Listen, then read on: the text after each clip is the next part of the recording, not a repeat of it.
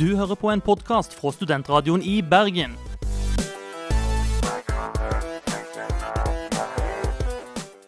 Denne og mange andre flotte podkaster finner du på podkast.srib.no.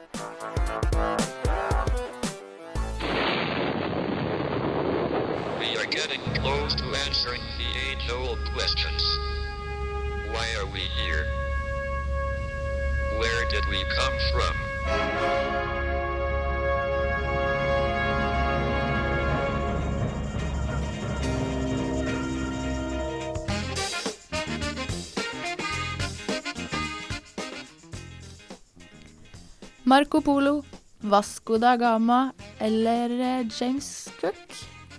Ja, De skal det ikke handle om i Soft Science i dag, men eh, det bringer oss ganske tett på temaet, som er oppdagelsesferder. Og eh, vi har bl.a. snakket med en polfarer som faktisk har gått både på Nordpolen, Sørpolen og over Grønland uten forsyninger. Det gjorde ikke Leif Eriksson, men det betyr ikke at vi har glemt han i dagens sending. Bare følg med. I studio i dag så er det Jenter for alle penga. Det er meg, Elin Stensland.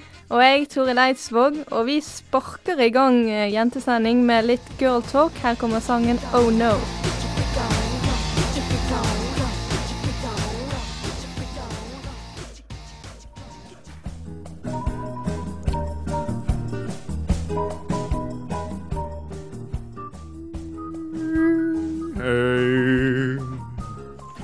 Cold and gray Chicago morning. Ja, lesing kanskje. Distrahert fra studiene? Ta en pause og hør på Studentradioen i Bergen. Hver dag fra syv til to. 96,4 eller 107,8.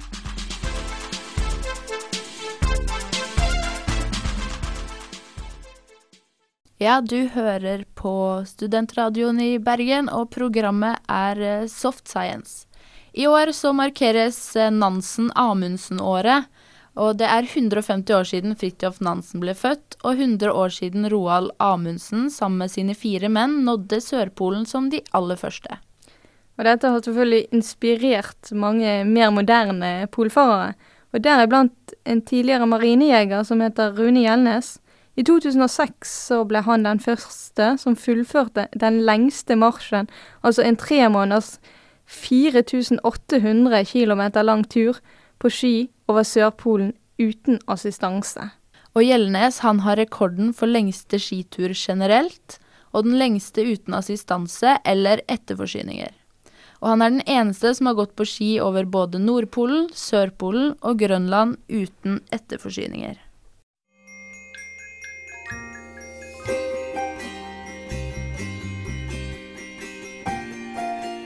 Men hvor kommer polfarerdrømmen fra? Rune Gjelnes fikk ideen fra å lese om ekspedisjoner, både de moderne på 80-tallet og de gode, gamle gutta Nansen og Amundsen.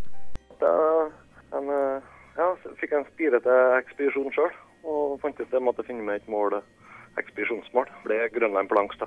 Så i 1996 brukte Gjelnes og kameraten Torry Larsen 86 døgn på den 2928 km lange ferden over Grønland. Og etter det ble det flere ekspedisjoner og polferder. Det første du legger merke til i starten på turene, det er normalt at det er en del fysiske smerter. De, de går normalt over eh, etter hvert, men eh, så kommer det igjen litt seinere. Og så er det at du aldri greier å bli i så god form som du f.eks. er etter 30 dager på tur. Eh, etter 30 dager så begynner du å komme på toppform. Og da er du kanskje ikke så sliten etter en ti timers økt. Det går mest at eh, i starten så eh, trenger kroppen tid til å tilpasse seg belastningene. Gjelnes fysisk tyngste tur var da han og Torry Larsen kryssa Nordpolen i 2000. De brukte 109 døgn, og Rune Gjelnes gikk ned 21 kilo. Det største vekttapet han har hatt i løpet av en ekspedisjon. Da han gikk til Sydpolen alene i 2005-2006, tok han blodprøver av seg sjøl omtrent to ganger i uka. Disse ble brukt til studier av immunforsvaret under ekstreme forhold. 30-40 ulike verdier ble målt, og spesielt adrenalin- og endorfinverdiene pekte seg ut med verdier nesten 100 ganger høyere enn normalt. Rune Gjelnes har dratt på polferd både alene og med selskap. Han sier det selvfølgelig er morsommere å ha noen å dra sammen med, noen å dele turgleden med, og også noen å dele de dårlige dagene med. Men det er uansett en usikkerhet ute på tur. Polarturene så mener jeg helt klart eh, den mentale biten som er, er hovedutfordringa. Jeg bruker ofte å si at jeg er 70% syke og 30% fysikk for å komme frem. For å forberede seg mentalt bruker Gjelnes å planlegge alt nøye. Før turen bruker han dessuten å drømme seg gjennom hele ekspedisjonen på forhånd. Men på, når du kommer først på tur, så skifter du motivasjonsfaktorer. Eh, og det går stort sett på at da tenker du innmari mye på familie og kjære og venner og sånne ting. Du går og fantaserer og dagdrømmer om dem. Savn er en viktig trekkraft eller motivasjonsfaktor. I hvert fall for min egen del. Det viktigste for å klare å gjennomføre en vellykka ekspedisjon er ifølge Rune Gjelnes god planlegging. Ifølge han utgjør planlegginga 80% av ekspedisjonen. Alt skal koordineres og tenkes på. Logistikk, sponsorer, utstyr og media. På de store prosjektene har jeg fort eh, tatt i hvert fall en tre år. Men uh, suksessfaktoren min har vært uh, særdeles høy i forhold til mange andre. Det tror jeg ligger i at jeg har tatt meg god tid til å planlegge og forberede.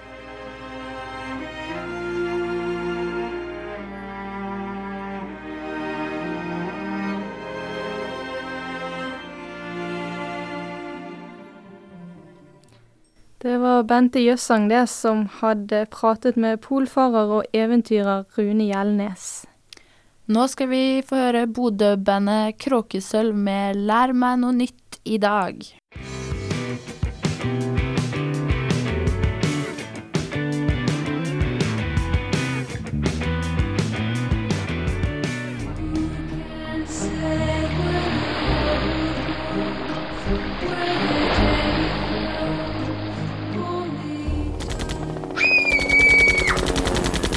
There's another kind of soft. Soft science.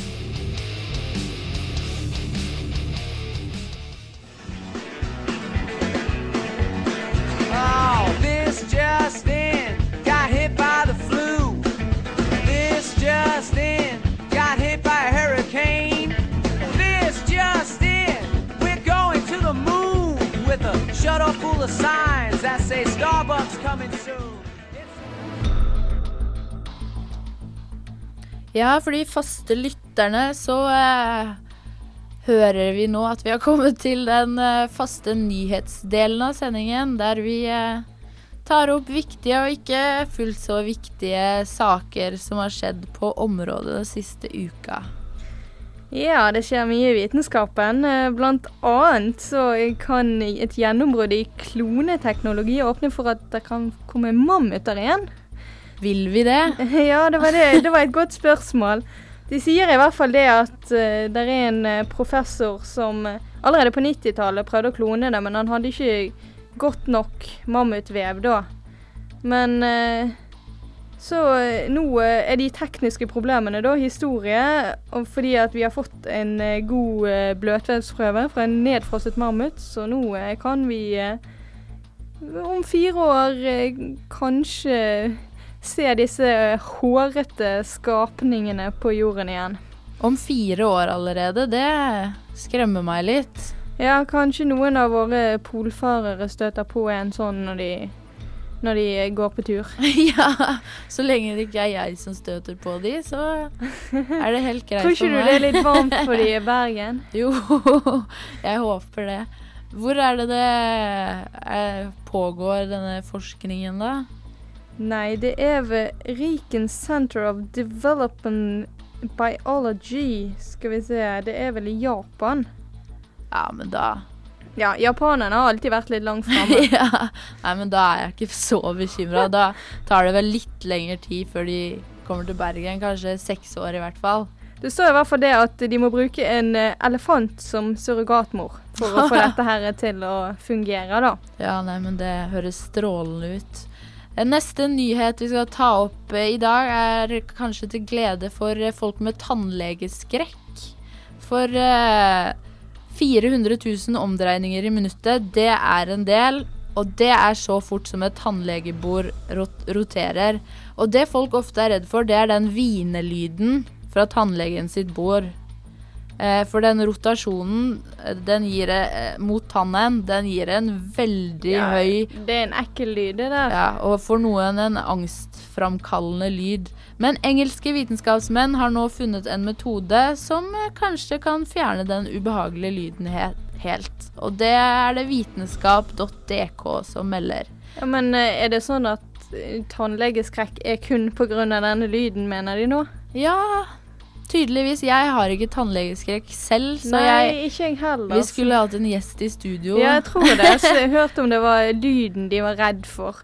Ja ja, fra, fra tannhelse til uh, det å bli gravid, det var nå litt av et sprang, da. Men uh, det viser seg, ifølge en israelsk studie, denne her var litt morsom, at uh, det er lettere for folk som prøver å bli gravide med prøverør, og faktisk bli det hvis de ser en klovn etter de har eh, blitt prøverøst befruktet.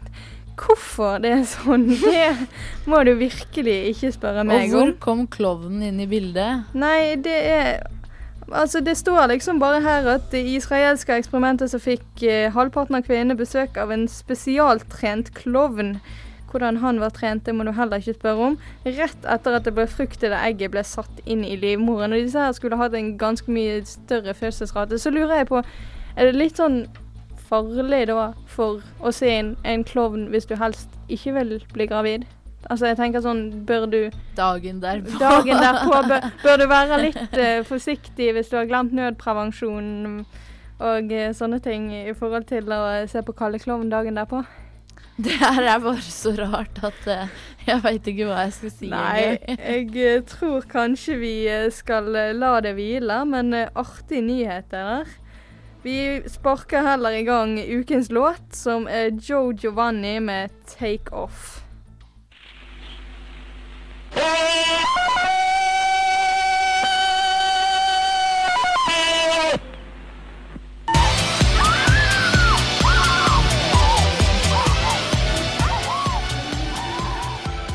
Vi nordmenn eh, vi liker jo å tro at eh, vi gjerne er de både første og beste i det meste, men eh, kan det faktisk tenkes at det var en nordmann og ikke Christopher Columbus som oppdaget Amerika?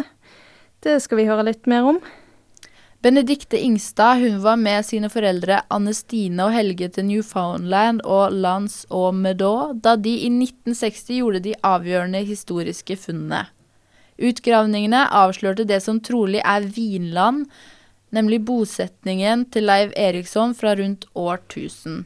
Og dette er jo 500 år eldre enn Christopher Columbus' såkalte oppdagelse av Nord-Amerika.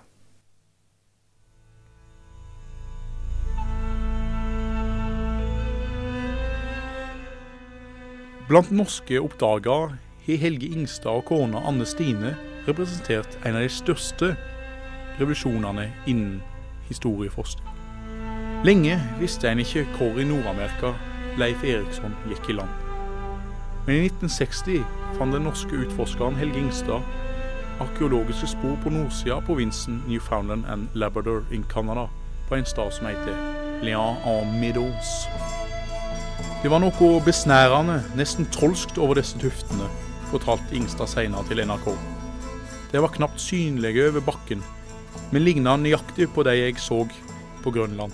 De lå høyt oppe på ei slette med utsikt over gressgangene og havet. Det greip meg med en gang. Jeg kjente det. Dette var sagaens Vinland, men bare utgravinger kunne bevise det. Etter åtte år med utgravinger, leia av Ingstads hustru, arkeologen Anne Stine Ingstad, kom sanninga for dagen. Det overgående viste seg å være restene av ei norrøn busetnad, sannsynligvis Leif Erikssons buplass i den nye verden. I 1968 fant en det endelige beviset. Ei grønn ringnål av bronse. Ei ringnål av norrøn type. Det ble funnet åtte hus pluss noe som kan ha vært det niende huset. Den største bygninga var på 24 meter. Det har også vært et nauster og ei smie med stor jordfast ambolt. Beinrester tyder på at gris har vært en del av dyrehallet. Radiologiske dateringer av kål, bein og torv dateres tilbake til rundt år 1000, og viser at den norrøne oppdaginga av Nord-Amerika er et historisk faktum. Det vokser derimot ikke vindruer her. Antagelig er forklaringa i Grønlenders saga, som ikke nevnes i Erik Raues saga. Innslaget med sydlendingen Tyrke synes å være en litterær konstruksjon som er sett inn som et sannhetsvitne. Den kritiske norske historikeren Klaus Krag mener at vinrankene er en idyllisk referanse til det nyoppdaga Lykkelandet. Således var han enig med Helge Ingstad og andre norske historikere som mener at vin her betyr naturlige åpne gressmarker, altså områder som ikke trenger ryddes for skog, tilsvarende som de norrøne navnene bjørgvin og granvin. Vinnavnet er også mye brukt på Jæren, hvor Eirik Raue kom ifra. Særlig i USA så virker det jo som de ikke har fått dette med seg i, i, i allmennkunnskapen. da. Ja, det kommer vel litt an på. USA er så sammensatt. De har jo en Leif Eiriksson-dag, da. En eller annen gang i oktober, tror jeg. Sånn at det er, som er en sånn uh, dag som uh, presidenten da tar, snakker om Leif Eiriksson. Men det er ikke en helligdag, sånn som Columbus-dag er. Så i de, nord i de nordiske, altså blant norske amerikanere, så er det jo ganske kjent og ganske anerkjent. Men eh, det er klart at de som er av spansk, latinamerikansk opprinnelse, de er mer opptatt av Columbus.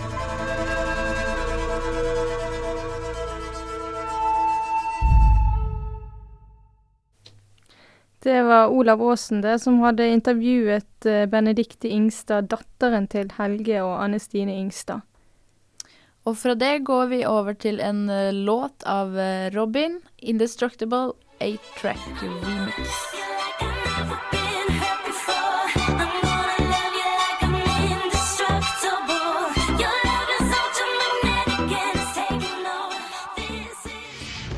Kjemi. Biologi. Psykologi. Klaustrofobi. Astrologi. Astronomi, antropologi, arkeologi, anatomi, anemi, anarki, anesti, akademi, sosiologi, filosofi, akademi, lekemi, nevrologi, sosiologi, biologi, fysiologi, psykologi, akademi, astrologi, Fagterminologi. Hva? Noe som ikke rimer? Soft science er svaret. Lidenskap for vitenskap.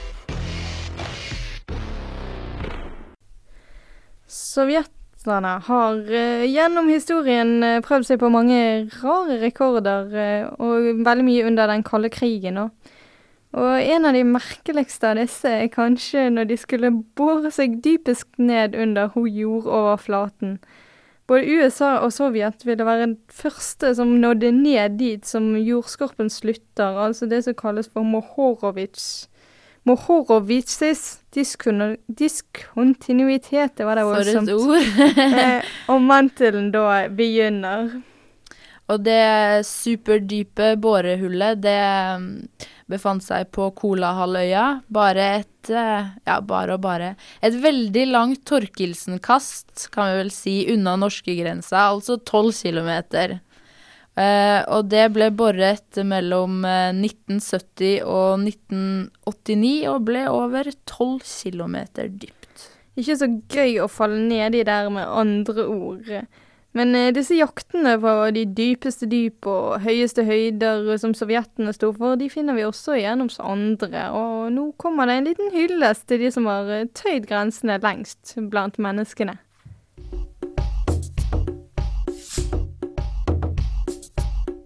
Mennesket har alltid vært på vandring. Ut fra Afrika, ut fra kontinentene, og til og med ut fra jorda. Alltid på jakt etter et bedre liv.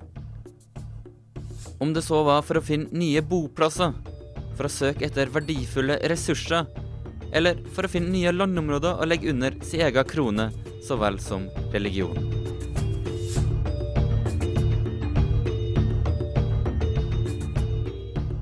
I nyere tid har det imidlertid handla mer om å pushe grensene.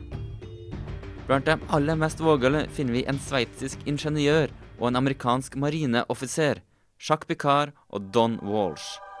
I et fartøy designa av Jacques sin far lot duoen seg senke ned i Challenger-dypet, 10.911 meter under havoverflata i Marianergropen i Stillehavet. Sammenklistra i en kule på knappe to meter i diameter dykka de den 23. januar 1960 ned i det svarteste abyss. Kun beskytta av en metallvegg knappe 13 cm tykk. Det holdt i massevis, selv om trykket nede på buren tilsvarte nesten 1100 atmosfærer. Det ble da som en golf presset ned på hver eneste kvadratcentimeter av kula.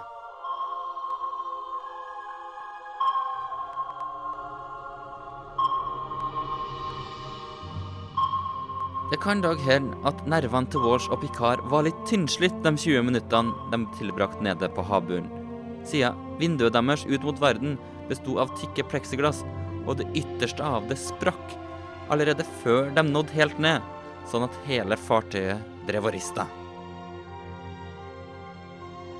Picard har i ettertid sagt at det som overraska han mest, var synet av fisk som kom flytende forbi. Sjøl på dette dypet, der mennesker ville ha dødd momentant av at alle luftfylte porer ville implodere, så har høyerestående marine vesener funnet en måte å leve på her nede i det svarte dyp.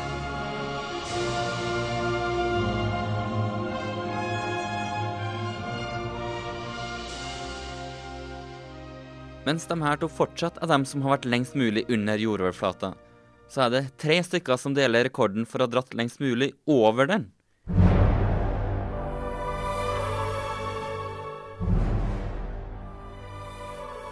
Leda av Jim Lovell ble Apollo 13 skutt opp fra Kennedy Space Center i Florida klokka 13.13 den 11. april 1970. Opprinnelig var dette det tredje forsøket på å lande på månens framside, men en eksplosjon i en av oksygentankene i servicemodulen endra på det.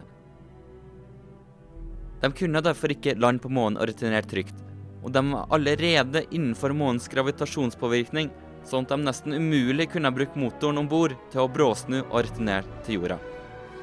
Det eneste alternativet var dermed å bruke månens gravitasjon til sin fordel, og komme inn i en bane som gjorde at de ble slynga tilbake til jorda.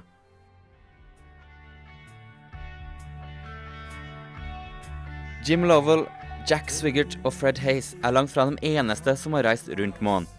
Men mens de andre har gått i en lavere bane for å sirkulere rundt den mens andre besøkte overflata, måtte de gå i en høyere bane for å returnere direkte.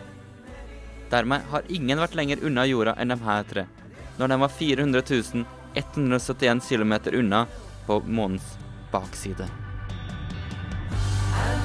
Your head explodes without forebodings too.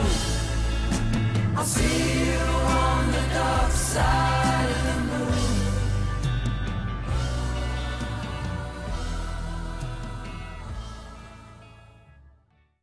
Men det er ikke bare Apollo 13 som kan knyttes opp til film.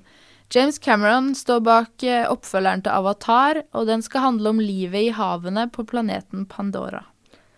Og eh, han har også fått australske ingeniører til å lage en dypvannsubåt som kan ta seg ned til Challenger-dypet. Og det kommer det gode 3D-utbilder av dette, så kan vi snart få se det alle sammen. Men kun to menn har så langt sett det med sine egne øyne. Det dypeste stedet på planeten vår.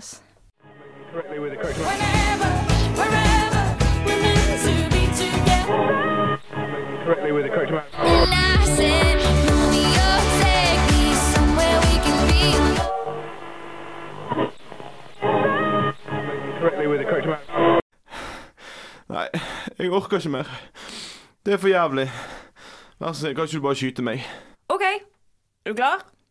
Ok, Bare, bare gjør det. Studentradio. Nei, vent! Vent! Hør!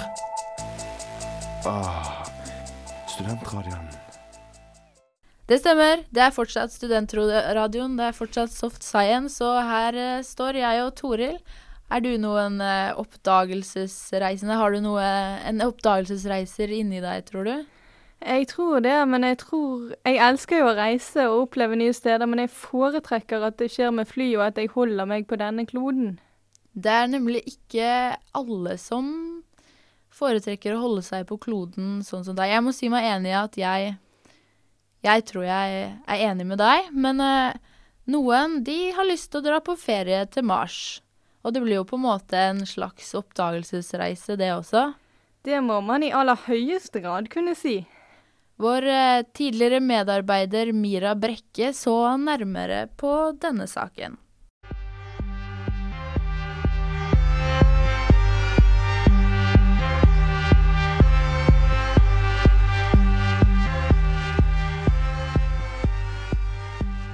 2012 skal være året for forandring, ifølge eldgamle spådommer fra aztekerne og profeten Nostradamus. Overtroiske frykter at en komet skal suse forbi kloden og plukke med seg de utvalgte eller fordømte. Pessimistiske sekter tror gjerne at en guddommelig hånd skal dømme i dette året, og lever hver dag som om det kun er tre år igjen. Nyhippier og økologentusiaster ser gjerne en sammenheng mellom det notoriske 2012 og klimakrisen, og forventer at dette året skal magnetfeltene bytte plass, ispolene smelter og Gaia brenner opp så menneskenes synd slettes fra universet for godt. Uansett hva som gir deg grunn til å flykte planeten i dommedagsåret, så finnes det en utvei. I rommet står nemlig flere kommersielle operatører klare til å ta deg imot, nettopp i året 2012. Virgin, som allerede selger alt fra mobilabonnementer til flybilletter, kaster seg på kampen om å bli både første og beste kommersielle romskipoperatør. Virgin Galactic Group er ledet av Richard Branson, som har med seg ingeniør Bert Rutan, og sammen skryter de på seg grønn romdesign. De har allerede 300 påmeldte som hver har punget ut 200 000 dollar for å kunne bli noen av de første private astronautene. De velstående kundene møtes, hvis alt går etter planen, i 2012, tre dager før takeoff i en ørken i New Mexico. Her skal de bo på Spaceport, og de skal bonde, lære å takle stress og øve seg i en vektløshetssimulator. Etter de tre dagene får man to og en halv time i rommet.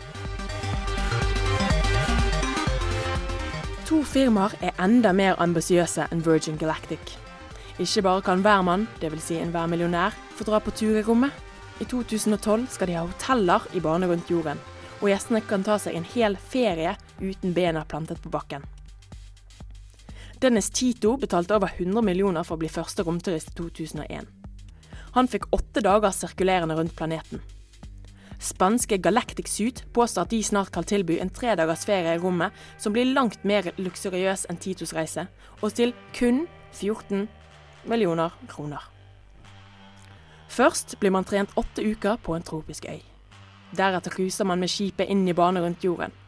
Hver passasjer får sitt private rom med panoramautsikt i hotellet. Utenfor vinduet får man med seg 16 soloppganger i døgnet, mens man suser rundt planeten én gang hvert 80. minutt. Det eneste problemet er at selv om Galactic Suit er selvsikre i at de blir første Million Stars Hotel som er klart i 2012, så finnes planen foreløpig kun på tegnebrettet. Den andre romhotellkonkurrenten som påstod seg klar i 2012, er Biglow Aerospace. Dette firmaet har utviklet sitt habitat BA330 siden 1990-årene, og har allerede prototypene Genesis 1 og 2 i testing ute i rommet. Disse er videreutviklinger av et NASA-prosjekt som Biglow kjøpte opp. Prisen for en visitt her er 75 millioner kroner, men til gjengjeld får man oppholde seg fire uker i vektløshet over Gaia. Romskipoperatørene mener de kan gi deg en unik opplevelse i vektløshet, og bli så overveldet av synet fra jorden ovenifra at enhver passasjer antageligvis vil returnere med fornyet kjærlighet for moder jord og bli miljøaktivister. Får bare vente og se om noen av dem klarer å bli ferdig og bygge trygge og funksjonelle og ikke minst miljøvennlige romskip og hoteller innen den korte fristen de har satt seg. Når eventyr blir kommersielt, blir oppdagelsesverdenen gjerne der med mest penger, og ikke de som ellers nødvendigvis har best forutsetninger for å klare seg bra. To av Virgin Galactics ingeniører døde under testforsøk her på jorden, og det er faktisk en 3% sjanse for ikke å komme tilbake med Virgin Galactic sitt romskip. Men så er det jo en risk å forbli på jorden nå, da, ifølge profetiene. Enten smelter polene, hvis ikke vi blir hentet av aliens eller truffet av en komet først. Så om du har cash og litt mot, hvorfor gidde å bruke de her på jorden når de kan betale deg til en tur langt vekk fra problemene?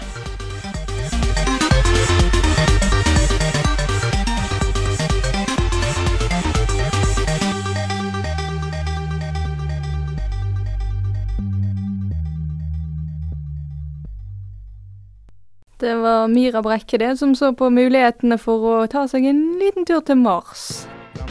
Kan du høre i reprise på srib.no. hjemmeside www.srib.no. srib.no. srib.no. På Moss så finner du det på www.srib.no. Studentradio. Studentradioen i Bergen døgnet rundt på srib.no. Da har vi nok en gang kommet til eh, et fast hjørne i eh, Soft Science, nemlig eh, Hvorfor det? Og i dag så tar vi for oss hvorfor eh, veien til et sted er så innmari mye lenger enn veien tilbake. Ja, det kan jo eh, være at hvis man reiser til Mars, så vil man føle at eh, det går mye fortere tilbake enn fram igjen. Men eh, hvorfor det? Hvorfor det? Hvorfor det? Hvorfor det? Hvorfor det? Hvorfor det? Hvorfor det? Kødder du, eller? Hvorfor det? Hvorfor det? Hvorfor det? Hvorfor det? Soft Science presenterer Kvifor det? Kvifor det? Kvifor det? I dag Hvorfor virker reisen til et sted mye lenger enn hjemreisen? Dette ser ut til å være en svært utbredt oppfatning, og effekten er gjerne sterkest når man foretar reisen for første gang. Det er gjort lite formell forskning på området, men den kanskje mest troverdige forklaringen går ut på at den utvendige reisen tar slutt mens man befinner seg på et ukjent område. Som kontrast føles slutten på hjemturen nær allerede idet man begynner å kjenne seg igjen. Dette kan skje mens man fremdeles er et godt stykke hjemmefra. Andre faktorer kan også spille en viktig rolle. F.eks. har vi det fryktede Are we there yet syndrome, på norsk kjent som Er vi framme nå-syndromet, som forekommer hos små barn uansett hvor kort reisen egentlig er. Det er mulig at dette er en konsekvens av det høyst reelle faktumet at én time utgjør en titalls ganger større andel av livet til en treåring enn av livet til den plagede forelderen som kjører bilen. For til og med en 30-åring kan tross alt tilgis for å spørre om man snart er framme etter å ha sittet i bilen i ti timer.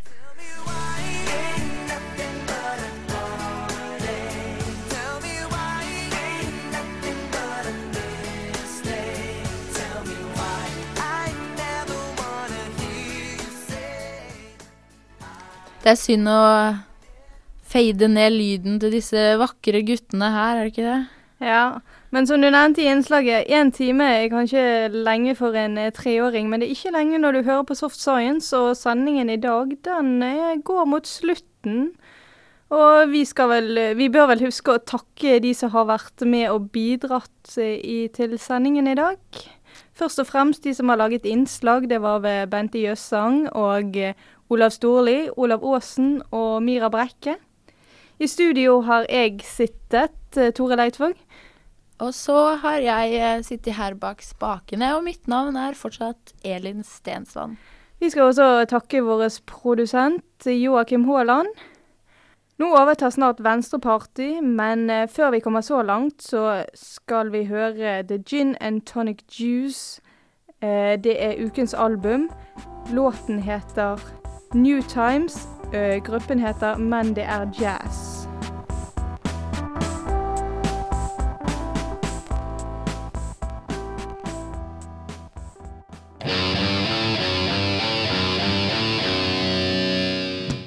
Du hører på en podkast fra Studentradioen i Bergen.